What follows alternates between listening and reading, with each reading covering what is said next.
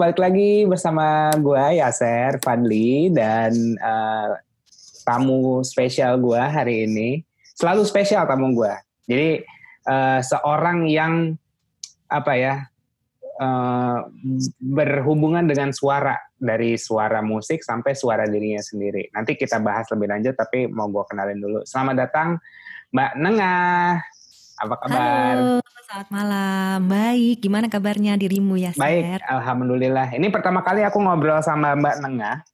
Hmm. Karena kalau boleh aku cerita dikit, sebenarnya aku pengen ngundang Mbak Nengah tuh di acaraku di Chill Chill Mango. Jadi hmm. sound healing. Nah, jadi buat uh, yang yang apa ya? Yang mau nyobain experience sound healing nanti nanti bisa bisa lihatlah sama mana. Nah, jadi hmm. tema hari ini Mbak biasanya gini, kalau di podcastku aku ngomong nyerocos dulu di depan ngasih konteks karena karena apa? Obrolan kita agak-agak harus dikasih konteks dulu. Apalagi kayak meditasi atau atau yoga atau apa pun itu atau spirituality. Jadi kalau yang udah tahu supaya lebih tajam atau kalau yang baru jadi oh mereka ngomongin ini gitu. Hmm. Apa apa ya Mbak ya? Silahkan banget. Oke, jadi Ini juga mata kita agak-agak ngeliat kanan kiri juga ya karena ngecek ini baterai udah kecolok gitu ya. Betul, betul. Aku juga. Aku, juga. tadi ngeliatin, maaf ya kalau matanya tiba-tiba ke kanan udah kecolok kan ya takut kan. gitu. Bener, bener. Aku juga nih kayak audio aman, sinyal aman. Semua, oh ya aku juga ngecek dulu audio aman-aman. Oke. Okay. Oke, okay, okay. Seru ya kita ya sekarang ngobrol-ngobrol harus ini ya, apa namanya social distancing dulu jadi jarak jauh, jarak jauhan kayak gini lucu juga. Bener, padahal pengen banget aku ketemu langsung sama Mbak Nengah. Jadi kenapa aku ngundang Mbak Nengah nih? Jadi temanya uh, namanya tuh sound as a tools to be meditative. Wih, agak-agak mm. berat mm. buat mm. yang baru, tapi mungkin buat yang udah sering melakukan meditasi segala macam, sound bakal jadi kunci nih untuk mm. bisa jadi kuncinya dia menuju meditative state lah. Jadi kalau mm. kalau narasiku nih terhadap suara tuh kayak aku ngerasain tuh suara seperti apa ya tanda sebuah keberadaan gitu loh mbak. Hmm. Jadi bahkan kalau misalnya aku baca baca, aku sebenarnya nggak baca yang satu buku yang buat uh, ngejelasin suara apa the, the science of sound apa segala macam sih gitu. Tapi hmm. memang uh, aku ngikutin saat guru. Hmm. Saat guru itu terus uh, uh, kalau yoga gitu kan juga nggak nggak nggak jauh dari chanting, aum gitu-gitu gitu kan itu kan ada hmm. filosofi di belakangnya gitu kan. Hmm. Dan bahkan penemuan modern pun gitu apa ngebuktiin bahwa alam adalah sebuah gema gitu, gema yang hmm. gema yang sangat-sangat besar gitu. Terus aku juga sering aku juga sering kayak Hmm, nggak lagi meditasi. Maksudnya kalau kalau kalau meditasi kan bukan berarti kita cuman duduk dan merem atau tarik nafas. Meditasi bisa sambil uh, apa ya? Sambil kerja yang yang apa yang ngeflow banget gitu sampai in tune mm-hmm. sampai immerse sama apa yang kita kerjain itu bisa dibilang meditasi juga gitu. Nah, mm-hmm. aku tuh sering aku tuh sering banget masuk ke meditative state itu benar-benar dibantu banget sama sound. Bukan sekedar hmm. uh, sound di sini bukan kayak musik doang gitu, suara hujan gitu. Kadang-kadang aku hmm. dengerin tuh yang bunyinya tik tik tik tik tik tik tik gitu kan. Hmm. Itu bisa kayak ngebantu aku uh, to be meditatif lah gitu. Terus menurutku suara juga bisa menurutku suara bisa apa ya? mempengaruhi nge-influence orang, behavior orang gitu. Dan suara bisa menyembuhkan. So, oh, yeah Ya, itu setuju banget dong. Mm -mm. Nah, itu ini opini aku. Nah, aku mau pengen denger nih langsung dari Mbak Nengah nih sebagai uh, apa ya uh, practicality-nya yang yang langsung praktek gitu uh, mm -hmm. tentang sound healing. Sebenarnya banyak banget sih di kepalaku nih ada ada ada pertanyaan-pertanyaan banyak banget. Tapi aku mau stick to the yang aku catat dulu nih. Menurut kalau aku lihat dari profilnya Mbak Nengah nih, Mm-hmm. Mbak Nengah MC juga, terus voice over artist. Uh-uh. Itu apa World Most Quit Today lucu sih itu. itu salah satu portfolio terbaru buat voice over. Nah, ini juga nggak pernah di radio ya Mbak Nengah ya? Pernah. Oh Setahun pernah. waktu itu siaran di, di mana? Brava Radio. Oh di Brava, di itu dong di uh, FX.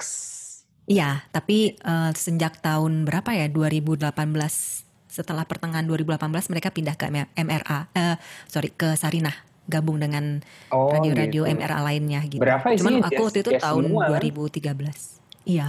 Iya, radio jazz. jazz. Radio hmm. Mature, ya nggak mau ngomong tua ya, Mature gitu. Iya betul. Jadi baru baru terjun ke dunia sound healing udah berapa tahun, Mbak? Uh, waktu itu mulai belajar tahun 2018 akhir, berarti hampir 2 tahun ya. Hmm. Itu waktu itu belajarnya di Ubud sama guruku namanya Shervin Bulurian. Hmm. Dan waktu itu kita ada kayak semacam um, dia nggak crash, ya semacam crash course lah yang empat empat apa lima hari waktu itu ya.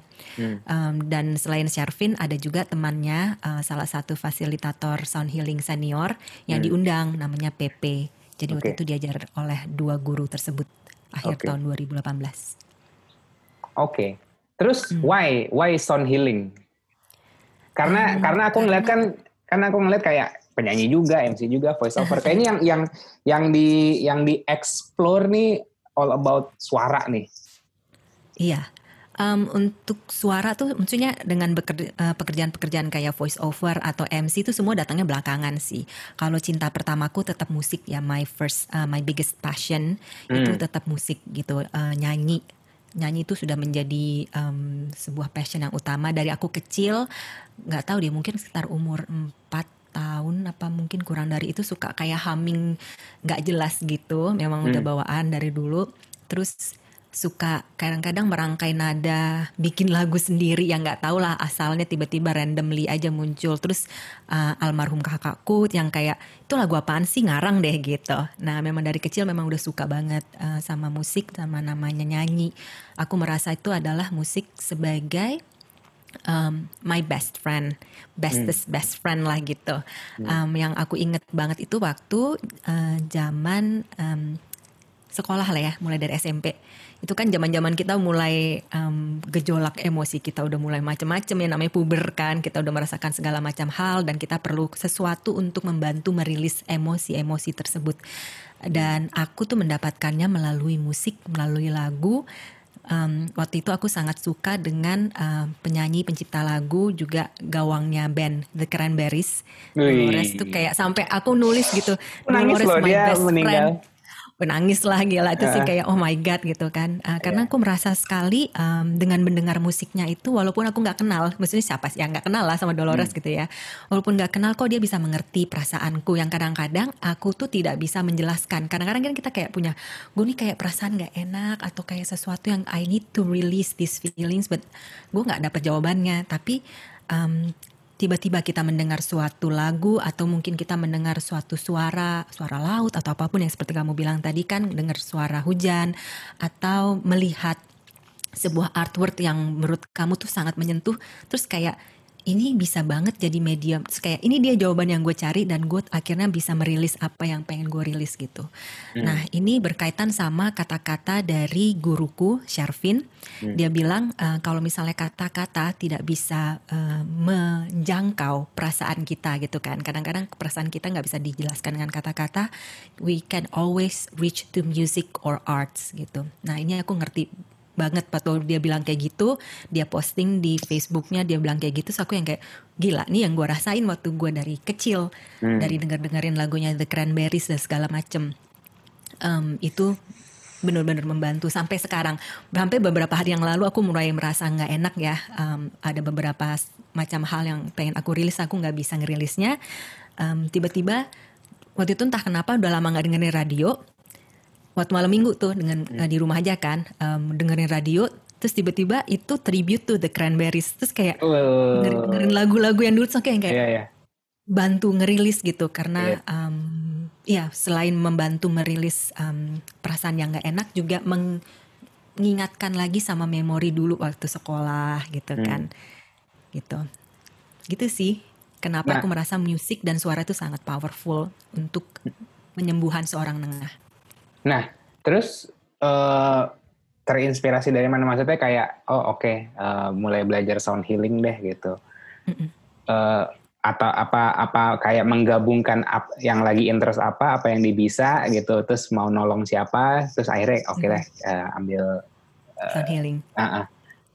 ada ada, ada latar belakangnya apa sih mbak nggak sengaja juga um, hmm. waktu itu jadi aku tuh sudah mulai mencari kepengen meditasi itu dari tahun 2000 mungkin sekitar 10 akhir 2011 2012 gitulah aku inget hmm. terus um, kayak nggak rasa um, ada suatu kerinduan yang pengen di apa namanya dilampiaskan apa ya kalau kerinduan tuh apa ya di judulnya ya pokoknya di di di oh, diatasi dengan meditasi entah kenapa waktu itu merasa seperti itu hmm. terus mencoba um, pakai aplikasi gitu kan hmm.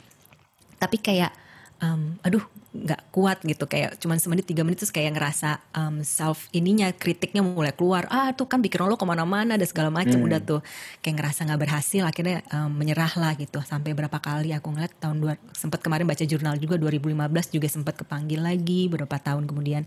Terus akhirnya um, 2018 awal panggilannya datang lagi kan untuk kayak um, connect to myself melalui meditasi.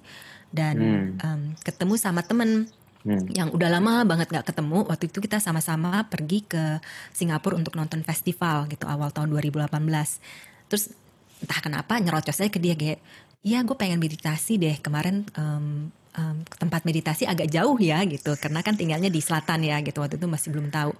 Terus temanku bilang um, ke sini aja gue tuh biasa ke, um, ke di jalan Bangka situ hmm. rumah remedi gitu hmm. nah itulah hmm. pertama kali aku kenal dengan rumah remedi yang hmm. membawaku ini namanya Pita yang sama-sama sekarang kami berdua adalah um, kami berdua salah satu salah dua um, hmm. junior fasilitator di rumah remedi gitu okay. nah singkat kata abis itu tiba-tiba berapa kayak berapa minggu kemudian ketemu sama Mas Ferry foundernya salah satu founder rumah remedi dan beliau pas ngeliat diriku langsung yang kayak oh maksudnya kan diperkenalkan ini penyanyi gitu terus langsung yuk kita bikin musik ya untuk healing. Nah waktu itu aku yang kayak ah apaan sih musik untuk healing? gitu karena masih hmm. belum ngerti. Memang aku seorang penyanyi dan sudah menjadi musisi uh, cukup lama lah ya tapi belum hmm. tahu menau. Waktu itu benar-benar kayak nggak tahu apa pun itu tentang um, sound healing gitu kan.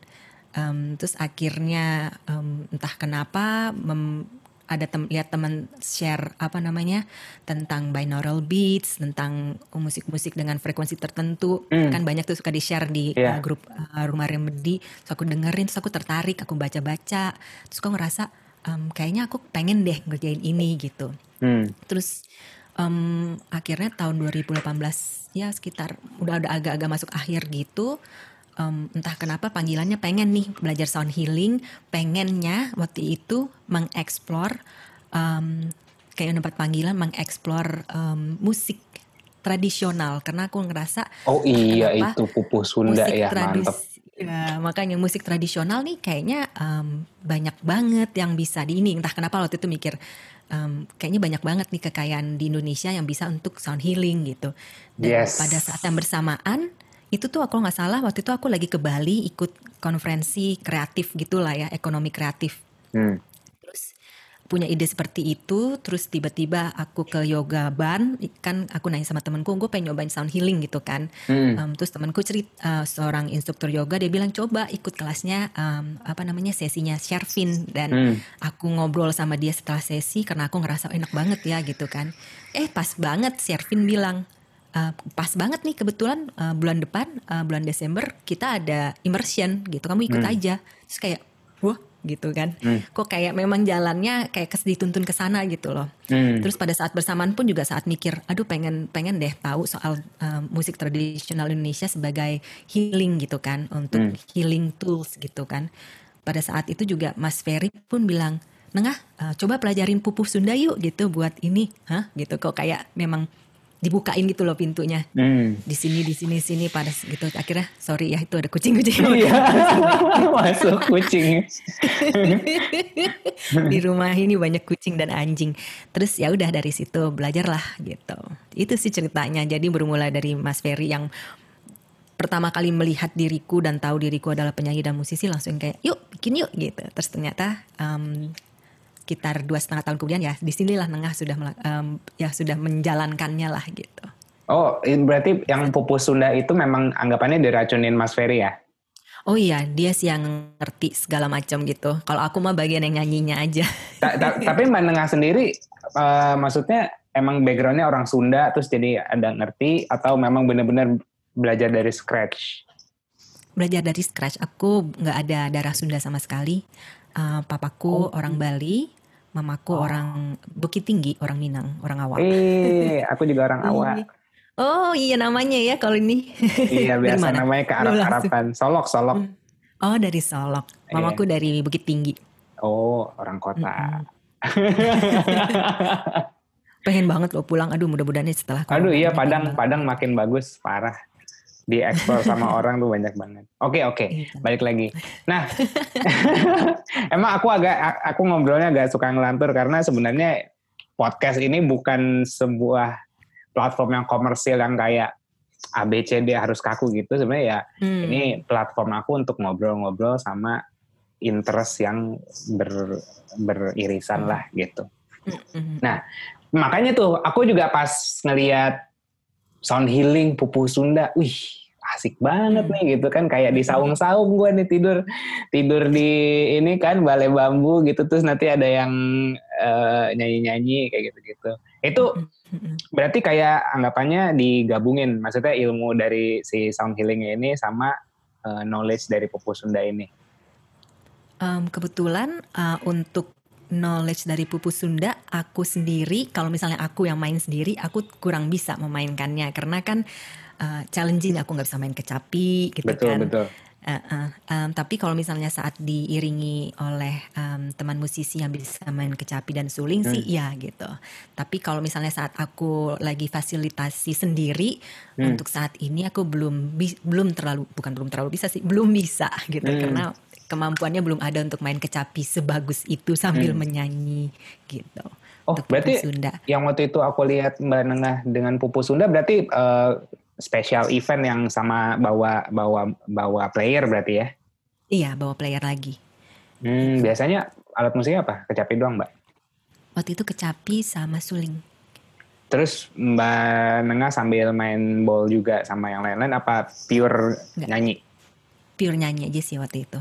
Oh. Waktu itu belum se-eksperimental sekarang. Jadi eksperimentalnya tuh perlahan-lahan banget gitu. Karena masih ngeraba-raba ya gitu. Iya. Gitu. Terus aku Tapi, penasaran apa? Monggo. Pupus Sunda itu um, ternyata nggak sembarangan. Uh, itu tuh ada rumusnya macam uh, masing-masing dan hmm. ternyata juga masing-masing pupuh tuh kan macam-macam ya. Ada pupuh kinanti dan segala macam itu ada maksud di belakangnya gitu. Kenapa pupuh ini dibuat? Ini untuk rentang waktu untuk me menyimbolkan rentang waktu berapa sampai berapa gitu kan bisa untuk misalnya putih mungkin untuk apa gitu kan ya uh, untuk kesehatan tulang misalnya hmm. gitu jadi wow. memang ada ada ada ada ini maksud tertentunya gitu kayak canting juga berarti ya um, agak beda kali ya kalau aku canting masih belum terlalu mendalami sih ya hmm.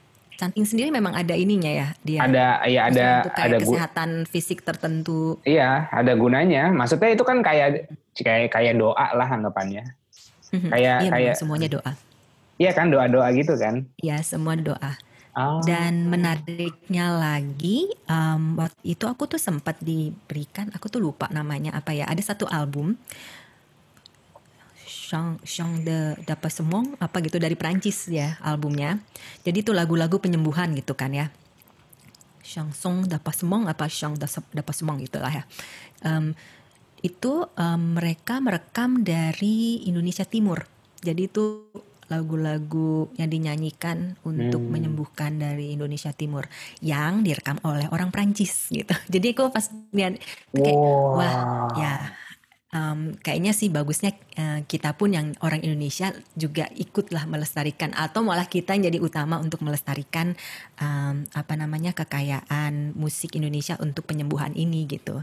Jadi itu salah satu kenapa aku sangat tertarik banget uh, menginkorporasikan uh, instrumen tradisional Indonesia di sound healing uh, sesi sound healing yang aku fasilitasi gitu. Walaupun kemampuanku masih terbatas ya gitu. Hmm.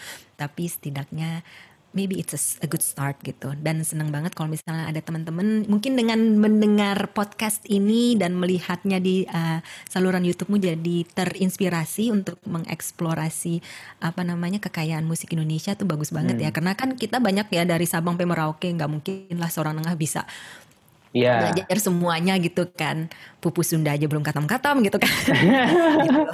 itu susah. Itu kan kayak anggapannya ancient ancient song ancient culture gitu yang kayak banyak banyak filosofi di belakangnya gitu loh. Mm itu pupus Sunda bisa lifetime learning baru baru baru benar banget. Satu aja. Mm jadi makanya Makanya seneng banget pas dirimu bilang pengen ngajakin ngobrol-ngobrol tentang hmm. sound healing di uh, podcastmu jadi kayak hmm. oke okay, bagus nih gitu. Jadi mudah-mudahan lebih banyak orang yang tahu terus kayak oh gue pengen ah gitu explore misalnya kakak musik dari Minangkabau gitu kan tuh juga tuh banyak tuh pasti. Aduh enak banget Makanya kan itu. itu bisa banyak banget. Um, jadi mudah-mudahan lah ya gitu. Maksudnya orang Prancis aja mereka bikin tuh album uh, lagu-lagu penyembuhan tradisional Indonesia gitu. Uh, kenapa kita enggak gitu loh? Kita yang kebetulan kita yang diberkati dengan kebudayaan yang kaya ini, ya kitalah yang ya, inilah lestariin. Gitu. Bener. Kalau misalnya aku lagi ke Bali atau Bali, misalnya lagi nonton pertunjukan kayak di dulu GWK belum jadi tuh itu kan sering mm -hmm. banget tuh uh, yang pakai gamelan Bali gitu kan dengerin mm -hmm. atau misalnya aku sering sih ke Bali. Jadi agak lupa yang yang kapan yang kapannya. Tapi maksudnya kayak malam-malam terus kedengeran orang lagi latihan dengerin itu aja tuh kayak nggak tahu ya. Mungkin kalau orang yang nggak kuat atau nggak ngerti dikiranya horor gitu. Tapi aku malah kalau malah gimana ya? Aku malah menikmati kehororan itu. Maksudnya malah ter, tergetar gitu loh uh, hatiku yeah, iya. ngedengarnya kayak wow gitu. Kayak ini kalau nggak ditahan bisa bisa kebawa nih. Maksudnya kayak kan banyak juga yang bisa sampai orang eh, nggak uh, conscious lah gitu. Uh, tapi kan memang perlu perlu step by stepnya. Bener gak sih mbak mbak Nengah soalnya aku soalnya aku experience sendiri kayak saking apanya ya bisa apa ya kata-kata yang bisa aku representatifkan. Mungkin sakralnya atau apa uh, gimana nya hmm. sampai kayak hatiku tergetar gitu loh atau memang aku yang sensitif sama suara-suara gitu aku nggak ngerti. Tapi benar gak sih? Mbak Nengah kan orang Bali nih. Um, kalau hati tergetar tuh memang kan memang suara sendiri kan memang vibrasi ya. Hmm. jadi ya nggak heran juga kalau dia bisa menggetarkan kita gitu. Apalagi kan kita sel-sel tubuh kita itu adalah merupakan resonator dari uh, suara gitu kan. Hmm. jadi ya nggak heran gitu jika dirimu uh, tergetar oleh itu. Tapi um, balik lagi semuanya itu harus dikembalikan ke diri sendiri. Apakah kamu bersikap terbuka untuk mau digetarkan oleh suara-suara itu gitu. Kalau misalnya orang yang nggak terbuka untuk menerima, ya nggak hmm. bakal bisa juga gitu. Seperti yang diajarin sama guruku dari um, hari pertama tuh waktu di immersion kami di Ubud dia bilang rumusnya itu adalah uh, frekuensi ditambah intensi ditambah presence tapi presence dalam kurung ya tapi penting juga sama dengan healing gitu jadi kalau hmm. misalnya intensinya nggak ada dengan kata lain ya nggak nggak pengen aja gitu ya nggak bakal bisa gitu um, kami pun maksudnya sebagai fasilitator sebagus apa pun kami berusaha menjangkau hmm. uh, partisipan itu untuk uh, membantu proses penyembuhan uh, dirinya. Tapi kalau hmm. misalnya dia nggak ngebuka, dia nggak ada intensi, kami nggak bisa karena kami cuma fasilitator aja. Um, penyembuh yang sejatinya adalah diri masing-masing gitu. Apa Jadi yang a, a, bagian apa yang minta disembuhin biasanya mbak kalau ke di sound healing gitu? Uh, macam-macam sih kalau kebetulan yang diajarkan sama guruku itu kan banyak banget ya sound healing ya um, hmm. ada yang pakai frekuensi, ada yang hmm. pakai solfeggio gitu, frekuensi juga gitu kan ya. Hmm. Ada pakai tuning fork dan lain-lain. Nah, kalau misalnya metode yang diajarkan oleh guruku itu dia lebih ke uh, menyeimbangkan tujuh cakra. Jadi kita fokusnya ke tujuh cakra aja walaupun cakra ada lebih dari tujuh ya. Hmm. Tapi tujuh cakra yang umum aja gitu.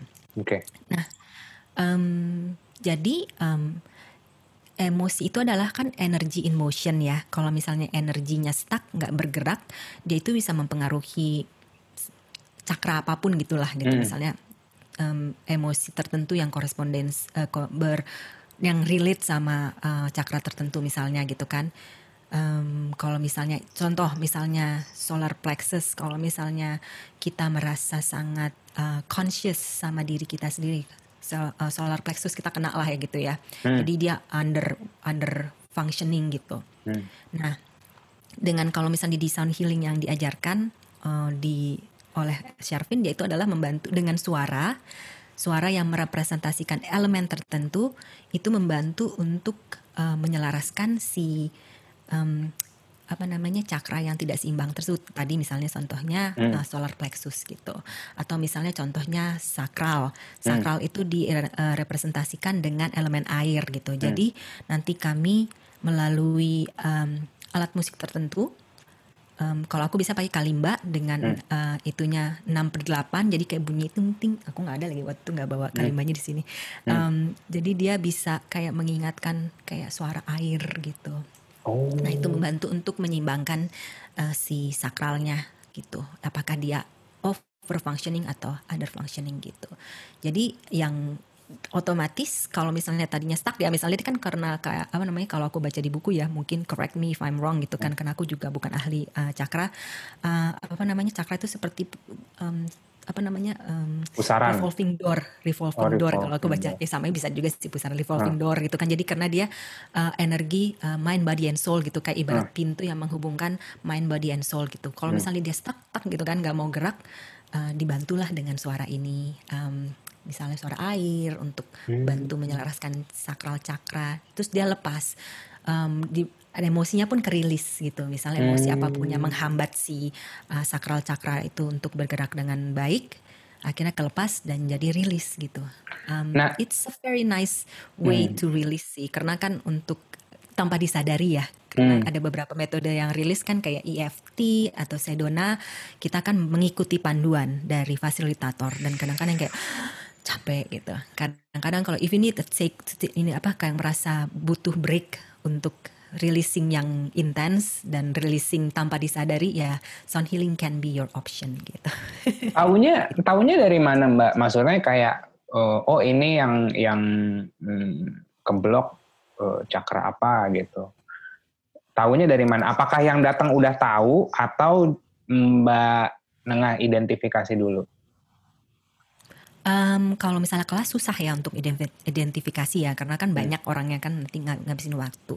Hmm. Kalau sesi pri privat mungkin bisa dibantu dengan um, aku bertanyakan beberapa hal gitu kan hmm. uh, untuk mengetahui membantu ya karena aku juga nggak bisa bilang persis gitu. Aku bukan ahli cakra, cuman hmm. ada beberapa clue yang bisa bantu aku mungkin di sini mungkin di sini gitu. Um, tapi kalau di kelas sih biasanya uh, nggak nggak nggak bisa. Tapi biasanya aku suka uh, mem me, apa namanya mencoba mengidentifikasi melalui beberapa afirmasi yang aku sebut di dalam kelas. Hmm. Terus nanti tanya uh, afirmasi mana yang tidak beresonansi sama dirimu saat ini gitu. Mungkin dari afirmasi tersebut aku bisa hmm. membantu oh ini kayaknya mungkin ini ya gitu. Tapi di dalam kelas pun juga nggak cuman misalnya nih ada yang um, ada peserta yang privat ya di sesi privat gitu. Udah ketahuan misalnya cakra yang ini kurang. Tapi aku juga nggak cuman di cakra itu aja yang diselarasin, hmm. tetap semuanya mesti dari iya. atas yeah. sampai bawah tujuh tujuhnya gitu. Tapi di cakra tersebut uh, aku bisa fokus lah lebih lebih intensinya lebih dikuatin lagi gitu, lebih lebih di fokus dikonsentrasikan lagi lah gitu di cakra yang bermas yang kelihatannya bermasalah gitu. Iya, kalau kalau rame-rame sih ya susah. Maksudnya kalau rame-rame dibikin general aja gitu kan uh, buat buat ininya. Tapi kalau yang apa one by one mungkin bisa lebih intens gitu. Bisa juga diketahui dari ini um, kalau kata guruku um, mana alat musik yang pada saat itu kayaknya gengges banget gitu loh suaranya. Mana suka banget tuh suara yang gini. Nah, alat musik itu merepresentasi yang mana? Um, merepresentasikan uh, apa namanya cakra yang mana dan itu mungkin cakra yang dia oh. lagi kurang pas gitu. Oh gitu. gitu. Jadi makin gengges sebenarnya makin dikulik ya. Oh iya. oh oke okay, oke okay, oke. Okay. Jadi bukan bukan nyari enak nih ya anggapannya kayak oh ya udah uh, relax gitu kan. Tapi iya kan ngerasa nggak nyaman kan misalnya hmm. ibaratnya kalau kita lagi diobatin kan ngerasanya nggak nyaman ya kayak Betul. lagi luka dikasih alkohol gitu kayak aduh sakit gitu kan. Hmm. Ya harus kadang-kadang memang tapi setelah itu kan jadi nyaman gitu daripada kita biarin lukanya nggak sembuh-sembuh terus jadi ah. jadi parah bertahun-tahun gitu. Oke okay, oke. Okay. Kalau aku ada ini tadi kan Mbak Nengah sempat nyebutin yang kayak binar bin uh, binaural beats gitu-gitu kan. Mm-hmm. Nah itu tuh sebenarnya aku nggak tahu kenapa itu menurutku sebuah penemuan yang jenius, tapi aku juga nggak tahu ini sebenarnya beneran efek dari si musik ini atau memang efek placebo atau suggestion dariku aja. Aku juga belum pernah ngebahas ini ke orang-orang lain sih. Tapi maksudnya mm-hmm kan dia banyak banget tuh. Aku mungkin mungkin kalau mendengar ngerti kali ya kayak berapa gigahertz lah, terus apa theta wave, apa wave segala macem. Itu beneran walaupun maksudnya gini, walaupun itu keluarnya dari perangkat digital, which is misalnya speaker gitu, ngaruh juga mbak ya. Kalau itu ah, kalau misalnya antara perangkat digital, analog versus digital itu ah. ada kayak beberapa orang mereka uh, beberapa beberapa praktisioner hmm. bilang enggak lah digital enggak ini gitu. Hmm. Um, beberapa praktisioner ya yang binaural, binaural apa binaural ya udah hmm. itulah pokoknya. Iya iya iya iya. itu um, bilangnya ini kok gitu. Um, kalau aku bilang sih kembali lagi ke diri masing-masing ya. Kalau aku sih kebetulan uh, merasa itu juga efektif karena memang anaknya juga suka musik elektronik ya gitu. Mm. Jadi menurut aku digital oke-oke aja gitu. Aku sangat suka sekali dengar suara synth. Beberapa suara synth tuh bisa merasa aku kayak pulang ke rumah gitu. Mm. Jadi um, iya sih kalau aku ngerasa sih kembali lagi um, dirimu merasa cocoknya yang mana ya dijalanin di situ aja gitu. Um, um, ya gitu sih kalau menurut aku ya. Mm. Gitu karena oh. itu sebuah sebuah apa sih namanya uh, banyak yang berdebat gitu bilang enggak ini nggak bisa ini bisa ini bisa nggak bisa gitu kan tapi kalau menurut aku pribadi aku sih suka tapi kalau dirimu nggak ngerasa serak di situ ya nggak hmm. usah di iniin gitu nggak usah didengerin gitu hmm. ya susah juga sih kalau nyari analog doang sih zaman sekarang maksudnya harus anggapannya nge-hire player setiap saat kalau kalau mau ini. Kan kalau di kalau kalau cocok sama digital, aku sih cocok-cocok aja sih dengerin. Apalagi ya banyak banget kan musik-musik apa sih background musik yang kayak oke okay, kalau mau mau fokus kayak gimana gitu kan. Dan dan viewernya gila-gila juta-jutaan. Malah banyak orang banyak banget orang yang butuh-butuh kayak gituan kan. Uh, musik-musik kayak gituan. Tapi nggak tahu deh eh, orang-orang lain gimana? Kalau aku sih ngaruh.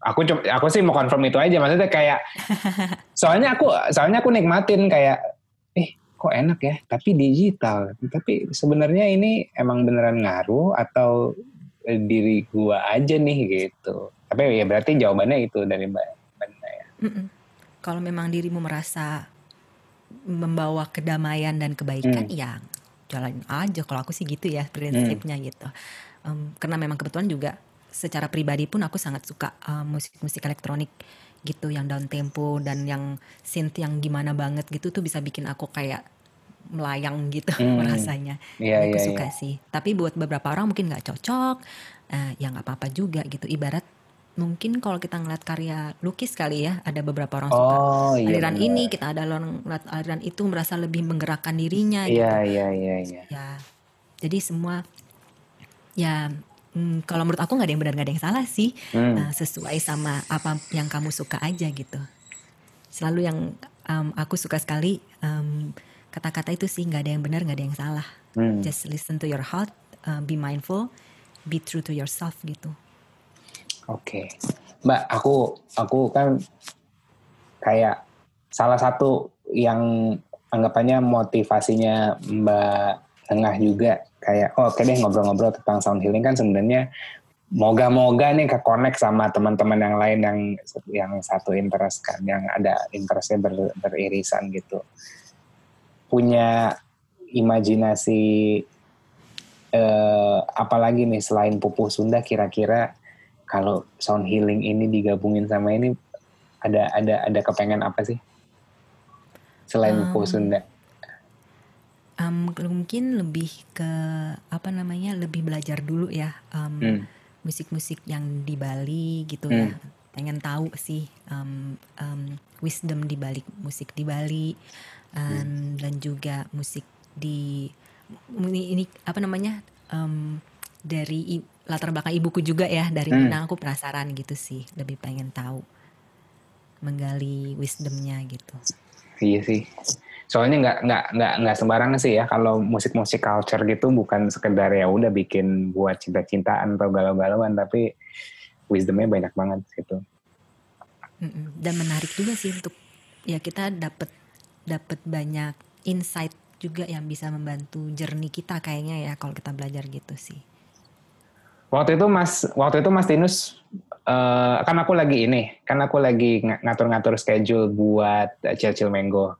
Terus hmm. aku, ya aku kan belum tahu nih uh, efek, bukan efeknya sih, kayak uh, do and don'ts-nya gitulah. Kalau cocoknya di mana nih, dilakuin jam berapa apa segala macam. Terus Mas Tinus, Mas Tinus pernah bilang kayak, jangan jangan jam segini ntar dia pada kecapean soalnya suka pada nangis nangis emang sering sering banyak yang nangis nangis gitu mbak Uh, ada beberapa, ada yang pengalamannya beda-beda sih.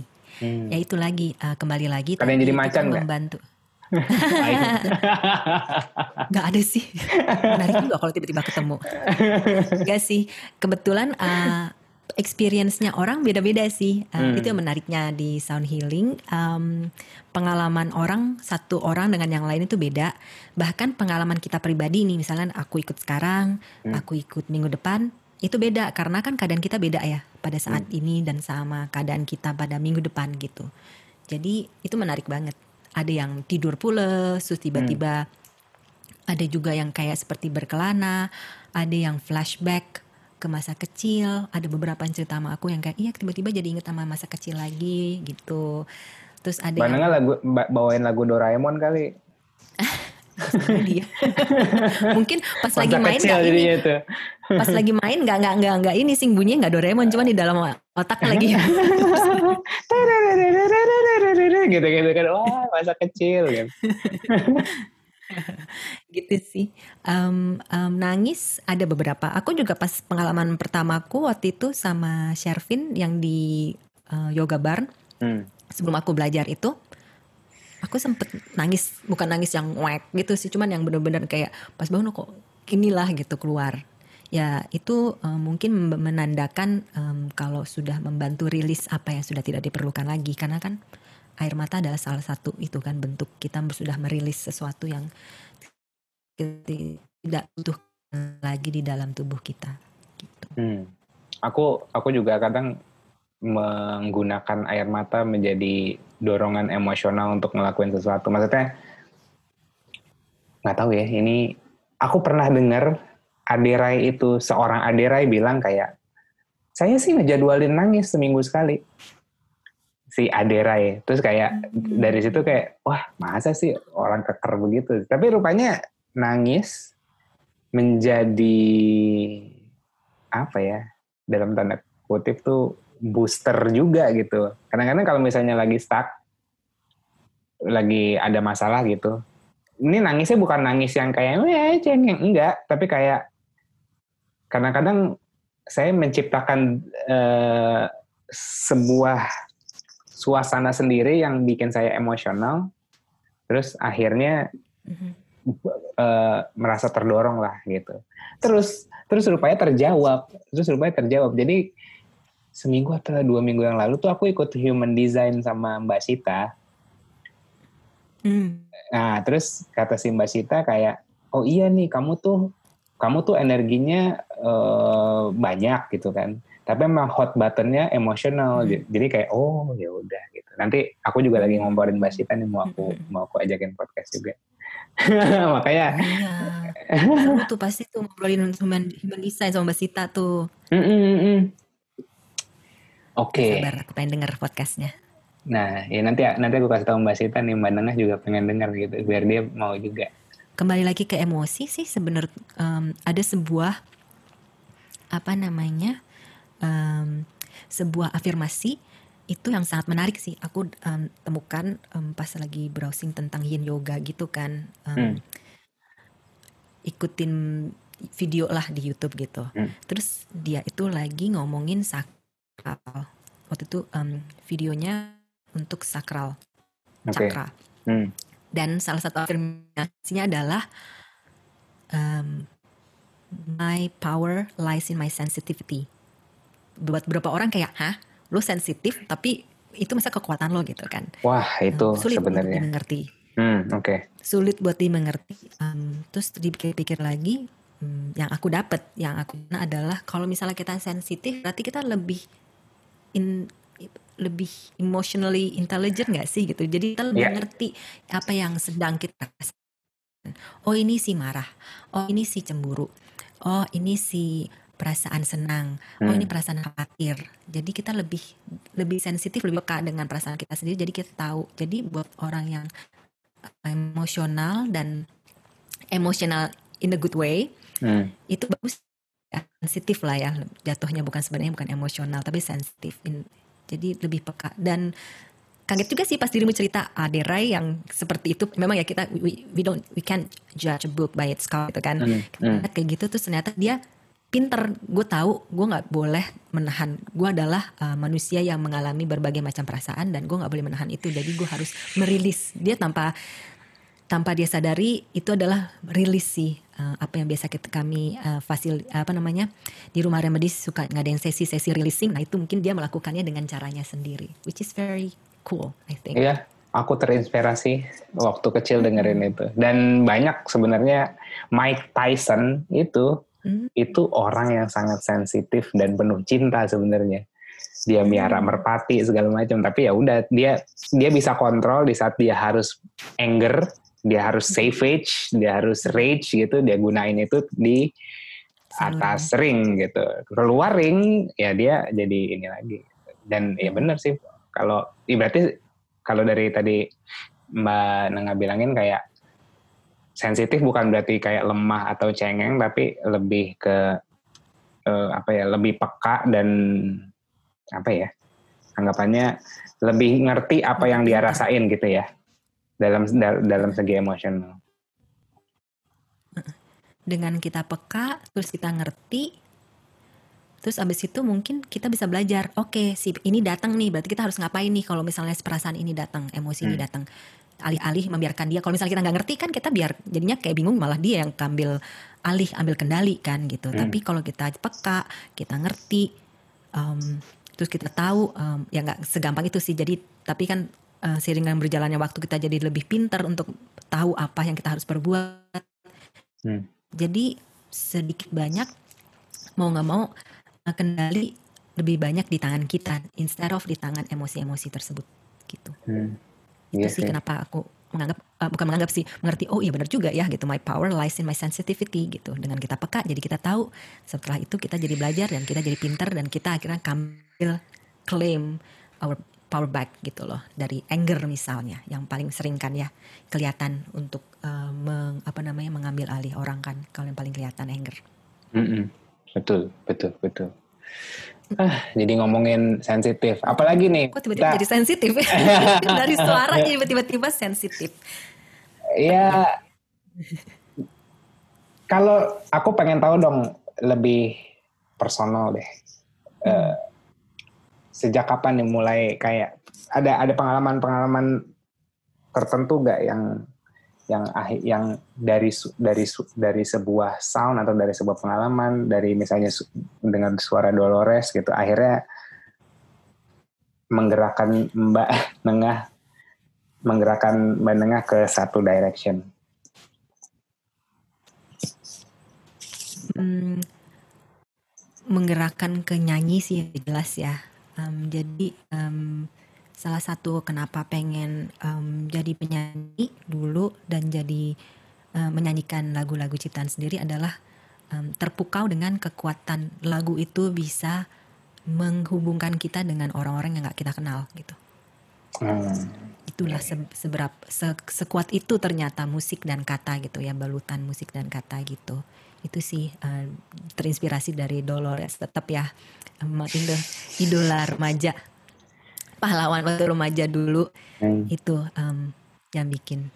Dan memang ternyata ya kalau dipikir-pikir memang suara atau vibrasi atau frekuensi itu kan memang sangat kuat ya. Maksudnya kayak kita denger pernah nggak sih dirimu denger musik gitu ya? Atau dengerin lagu tertentu atau alat musik tertentu tiba-tiba ngerasa merinding gitu. Hmm. dulu ya masih sampai sekarang juga masih. Nah, itu, itu sih merupakan sebuah bukti bagaimana uh, suara itu bisa menggetarkan kita secara harfiah gitu, nggak menggetarkan kita secara itu aja gitu, tapi benar-benar kita geterin sampai uh, bulu, oke, okay, internet connection unstable. Mm, iya, lagi hujan ya, nggak apa-apa. Udah balik ya? udah, udah, udah. ya, okay. um, ya bisa di, kita dengar suara tertentu, apa musik tertentu bikin kita merinding. Nah itu bukti nyata bagaimana um, suara itu bisa menggetarkan kita gitu, bisa bagaimana sel-sel kita bereaksi kepada suara dan vibrasi gitu sih. Dan sebenarnya di di dunia medis sendiri, um, hmm. dia dunia medis itu um, frekuensi atau suara itu audio itu banyak digunain loh untuk kayak misalnya um, audio yang tidak terdengar sama kita, tidak tertangkap sama kita, yang frekuensinya tinggi itu buat misalnya memecahkan batu ginjal gitu kan. Oh, oh ya. iya ya. Iya kan. Yang ultrasonik ultrasonik gitu ya apa sih? Mm -mm, mm -mm. Jadi ya bayangkan aja itu aja tuh bisa membantu. Kan kalau misalnya frekuensinya salah yang lain yang kena kan ya gitu maksudnya. Ini dari pandangan orang awam yang bukan yeah, dokter yeah. ya gitu. Tapi hmm. kalau misalnya itu kan harus di set dengan tertentu gitu. Jadi ya dari situ bisa dilihat bagaimana kuatnya uh, suara gitu. Selain kita mengalami sehari-hari yang yang tadi merinding atau namanya hmm. frisson hmm. atau frisson bahasa Perancisnya. Hmm. Dan juga kita lihat kita um, kita mengacu ke dunia medis gitu. Gimana kayak ultrasound gitu bisa bantu penyembuhan kita. Berarti kayak memang ada rumusnya Mbak ya, kayak rumus sebuah getaran suara untuk intensi tertentu gitu ya? Sepertinya uh, ya, kalau yang untuk frekuensi tertentu kebetulan aku masih belum terlalu banyak um, mengerti ya. Hmm. Tapi memang sepertinya ada rumus-rumusan tertentu sih. Tapi kayak yang tadi yang cakra ini pakai kalimba, terus uh, ini diwakili oleh alat musik apa alat musik apa gitu. Mm -mm. Kalau ya, itu, itu kan berarti kan merepresentasikan elemen. Oh. Elemennya ada tanah, hmm. air, hmm. Um, api, terus hmm. ada ether, ada udara gitu hmm. untuk masing uh, cakra-cakra yang berbeda gitu. Jadi kita bisa dibilang mengembalikan lagi, membawa alam kembali, alam semesta lah melalui suara-suara gitu. Wow. Kalau itu melalui, jadi kita lebih lebih mainnya ke elemen lah kalau yang, uh, yang aku kerjakan tapi ada juga yang itu frekuensi-frekuensi tertentu. Ta ta tapi kan memang terwakili kan, maksudnya kayak nggak sembarangan juga, kayak uh, ya kan wakilnya harus sama untuk untuk merasakan impact yang diniatkan sebelumnya gitu kan. Iya, ada rumusannya juga. Walaupun hmm. bukan frekuensi dalam bentuk frekuensi tapi iya, iya, iya. iya. ada ininya, ada pakemnya lah gitu. Diajarin waktu itu. Berapa lama Mbak belajar kayak gitu? Waktu itu sih um, berapa hari kok tiba-tiba aku lupa ya sekitar lima hari gitu. Cuman eh, itu kan uh, workshop yang lagi. workshop mendalam itu kan. Apa apa kayak uh. immersion tuh kayak apa? Maksudnya pengenalan atau ya dia memang awal ya memang ya workshop lah sebangsa ah, workshop, workshop gitu. um, terus dari nanti, situ? Uh, uh, rencananya sebenarnya kemarin itu mau ngambil lanjutannya cuman ada mm, diundur waktu itu. Jadinya awal tahun 2021 hmm, lama juga ya Iya. Dan kalau kalau misalnya saya beli singing bowl sendiri gitu, misalnya ya, hmm. terus mainin sendiri, itu ada salahnya nggak? Atau emang harus belajar dulu basicnya baru gunain gitu. Takutnya kan kayak ah udah beli-beli aja terus kayak ngung ngung ngung sendiri gitu, tapi rupanya salah gitu. Sebaiknya sih uh, mengetahui basicnya dulu, tapi kalau misalnya ditanyakan ke diriku, um, aku tidak bisa menjelaskannya terlalu lanjut, tapi memang hmm. sebaiknya tahu basicnya dulu. Dan kalau singing bowls tersendiri itu dia juga um, dia punya frekuen um, nada yang beda, jadi dia mainnya nada. Nada pun juga sebenarnya frekuensi kan, frekuensi hmm. beda, nadanya beda gitu. Betul. Jadi untuk cakra mana untuk cakra mana gitu. Oh oke, okay. beli tujuh tujuhnya aja berarti ya, tapi mahal. Lumayan juga sih kalau masalah set emang. eh, iya. Dan hmm, menarik sih. Ada ada lagi gak yang yang sebenarnya Mbak Nengah mau share di platform ini supaya orang-orang lebih mungkin orang yang ada interest ke sana terus nonton video ini atau denger denger audio ini jadi kayak eh gue belajar deh atau ih gue kayaknya punya basic misalnya dia orang Padang dia bisa main suling terus kayak eh kayaknya mau collab deh apa segala macam nah ada something gak sih yang yang mau Mbak Nengah share di podcast ini? Ada intens yang mau di-share gak?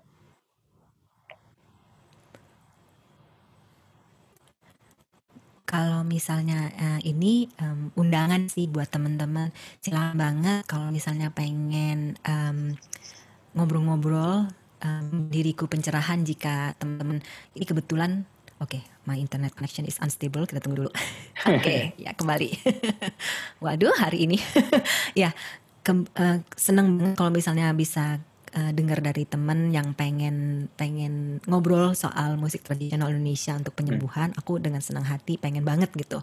Um, silakan banget kalau mau call aku uh, Instagram uh, itu di @mskrisnarini, hmm. Ms krisnarini, uh, pakai k ya Krisnarini. Seneng banget sih.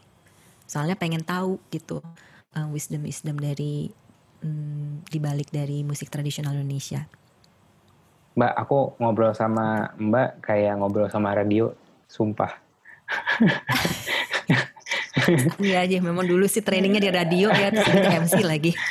terus, iya terus pakai apa sih? Pakai mic yang proper, jadinya kayak apa? crunchy gitu suaranya. Curang nih nanti ya, bisa kayak... dibantu ya, Sir. Jadi hari ini mau curhat apa? Pas kan lagi hujan-hujan jam segini kan Betul. kan biasanya tuh yang yang segmen-segmen cinta kan. Intar malam sih biasanya jam 10 sih yang hati. Masih kangen gak sih, gitu sih. Uh, siaran Mbak?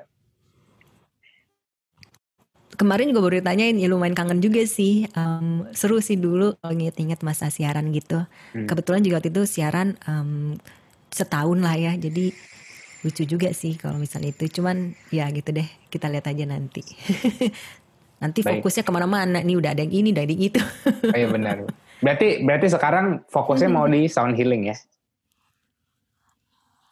uh, kebetulan um, pengen banget sih belajar lebih lanjut lagi um, ya itu um, ngembangin lebih belajar banyak um, hmm. pengen tahu banyak tentang um, kekayaan musik Indonesia dan siapa tahu bisa bersinergi dengan musisi-musisi tra musisi tradisional Indonesia gitu kan ya uh, dapat ilmu dari mereka terus oh, sama-sama oh, majuin untuk um, sound healing gitu untuk kayak memperkenalkan kan selain memang bisa untuk penyembuhan dan juga bisa untuk me, me, apa namanya mempromosikan pariwisata Indonesia pada akhirnya kan gitu. Hmm. Mbak Nanga tahu ini gak Balaruna? Hmm? Balaruna. Balaruna tuh satu grup grup musik di Bandung kalau nggak salah. Tapi grupnya itu bertiga, tiga-tiganya main hang drum. Keren banget. Nice banget. Hang drum tuh enak banget sih. Iya. Aku Dan, baru denger. Oke, ntar aku coba cari ah. Uh -uh, hang drumnya itu dia bikin sendiri. Mereka memang produsen hang drum, jadi bisa pesan sama mereka juga. Terus di. Wow, menarik. Iya, waktu waktu itu aku juga pengen undang buat cil-cil mego juga. Jadi kayak aku tuh suka aku tuh, tuh suka mempertemukan ini eh kayaknya cocok deh lu kerja sama itu aku aku tuh suka kayak gitu makanya jadi nanti mungkin kapan-kapan aku coba hubungin mereka buat buat buat podcast kali atau aku kenalin ke mbak. Iya, Tapi mbak Nenga ini dulu deh apa coba uh, di Instagram namanya Balar ya. Balaruna Musik. Di YouTube juga ada dia ada beberapa musik session juga sama Balaruna. Sip, thank you loh infonya. Kebetulan lagi pengen nyari juga sih, lagi pengen dari kemarin tuh ngeliat-ngeliatin um, happy drums yang kecilan ya. Cuman mungkin uh. dia ah. punya hang drum, dia punya yang kecilan kali ya gitu. Siapa tahu kan bisa. Itu lucu sih. Mm-mm, menyenangkan banget sih itu. Oke, oke. Okay, okay. Mbak, ini sepertinya kita sudah sampai di ujung pembicaraan nih Mbak. Jadi mm-hmm. kita keluarkan saja uh, senjata pamungkas kita yang mau Mbak sharing nih ke teman-teman pendengar. Mudah-mudahan okay. bisa menginspirasi mereka Terus boleh ceritain nggak ini yang mau Mbak display ini apa? Um, sebenarnya ini sih yang pengen di display intuitively aja tadi sebelum ngobrol sama dirimu aku kulik-kulik dikit kira-kira mau kayak apa sih gitu. Jadi biasa aku yang biasa berlangsung di apa namanya saat memfasilitasi sound healing tuh biasanya aku cuma langsung on the spot aja bener-bener kayak oh, kata musisi jamming lah gitu. Hmm, hmm, Jadi hmm. berintuitif aja gitu. Um, ini salah satu yang biasa aku lakukan di kalau misalnya di salah satu sesiku seperti inilah gitu. Contoh preview preview. Preview preview. Iya. Siap siap. mm -mm. Silakan mbak. Oke. Okay. Kita tampilkan Nengah, Kris, Mbak aku lupa Krisnarini. Oh ya, kita tampilkan ya, Nengah Krisnarini. Jeng jeng. Terima kasih.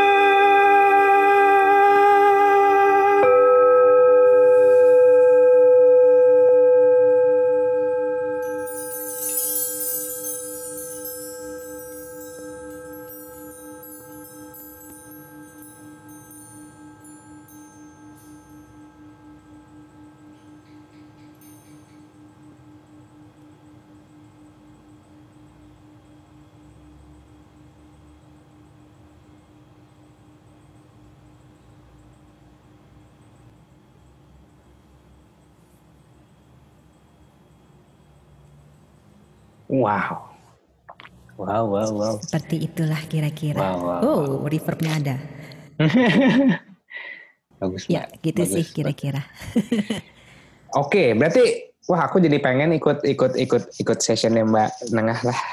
Ikut dong. Sekarang bisa um, buat teman-teman yang di rumah aja jangan khawatir. Memang kebetulan sesinya di rumah Remedy itu kami online hmm. seperti sesi-sesi yang lain. Hmm. Um, jadi bisa via Zoom. Biasanya setiap hari Kamis jam 6 sore. Mbak, tapi tadi enak banget sih, parah. Kayak ini tapi lebih ke ini aja sih. Ke, ke, ke kayak Jawa-Jawa gitu ya. Maksudnya kayak itu bener gak sih itu kayak Jawa-Jawa gitu? Enggak ya? Emang begitu? Kebetulan ya? memang kan alat musiknya yang um, aku lagi mainin kan memang dari Bali ya gitu. Hmm. Cuman ke, aku juga pakai ukulele, terus juga ada djembe gitu. Jadi nggak um, semuanya sih keluar. Um, karena kan lama ya kalau misalnya semua ya, dimainin betul, kan. Betul, betul. Tapi yang ini kebetulan memang um, yang di yang dibawakan adalah elemen-elemen um, yang atas kebanyakan um, gitu. Jadi um, metal, banyakan metalnya gitu. Kalau um, kalau perform untuk berapa? Kalau misalnya itu kan kalau misalnya di kelas maksimal berapa orang biasanya, Mbak? Um, pernah sampai 20-an sih waktu itu waktu lagi kelas offline ya. Hmm. Outdoor bisa gak nih? Ya. Outdoor bisa, tapi ya ya bisa sih, nggak nggak ada masalah kok. Nggak ada masalah ya. Oke, okay. semoga semoga next event aku bisa ajak Mbak Nengah buat Amin. buat main. So, uh, aku rasa uh, sampai di sini dulu perbincangan kita. Yeah. Nanti kalau ada gatel-gatel pengen ngomongin lagi atau nanti berkolaborasi nanti kita terusin lagi di yeah. uh, iya. mungkin di episode berikutnya. Aku ngajak kita siapa. kayaknya ngobrol nggak ini ya nggak berhenti berhenti tadi ya. Tadi rencana ngomong apa terus tiba-tiba jadi ke mana-mana. Iya benar, benar, benar. Seru banget ngobrol. Itu itu salah aku sebenarnya sih sebagai host yang tidak memandu tema dengan lurus. Tapi sebenarnya ya tetap tetap balik lagi sih kan emang intinya hmm. yang ingin disampaikan apa gitu. Terima okay. kasih loh sudah mengajak ngobrol. Senang iya. sekali ketemu sama orang awak ya. Iya betul. orang awak. Solok dan Painan. Aku dua-duanya mama, mama papa Padang. Jadi oh. tapi aku nggak bisa bahasa Padang ya. Aduh sayang sekali aku, aku juga cuma ngerti ngerti juga nggak ngerti ngerti ya ngerti dikit aja karena kalau mereka ngomong kalau mereka ngomong aku ngerti tapi balasnya nggak bisa. Sama. Iya kayak gitu. Baiklah mbak Nengah thank you banget ya, uh, waktunya udah udah udah dikasih. terus untuk setting seperti itu untuk podcastku aku merasa tersanjung karena seniat itu mbak Nengah ingin sharing di podcastku. Terima kasih banyak. It's an honor for me to share with you and ini mudah-mudahan um, makin banyak um, teman-teman yang terundang untuk belajar sound healing juga jadi bisa sama-sama melestarikan kebudayaan Indonesia pada akhirnya ya. Nice. Oke. Okay. So aku tutup dulu uh, Yash a Moment bersama Mbak Nengan. Thank you sudah datang. Uh, yang mau nyari Instagram Mbak Nenga di @mskrisnarini Uh, terus beliau juga sebagai fasilitator di Rumah Remedi kalau mau merasakan uh, apa uh, kelas sound healing yang tadi udah dikasih uh, teasernya gitu. Iya. Dan, dan juga ada kelas-kelas rilis lainnya di, di Rumah Remedi yang banyak teman-teman tertarik buat nyoba khususnya yeah. di pandemi sekarang nih ya kita merasa resah terus ada yeah. lain-lain jadi kita ikuti saja sarannya Aderai, kita seminggu sekali, kalau bisa ya minimal seminggu sekali kita rilis tuh emosi-emosi yang nggak perlu. Betul, jangan disimpan-simpan. Respect buat Aderai. Oke, okay. uh, eh, uh, sampai jumpa di video berikutnya di Yash Moment. Bye-bye. Bye.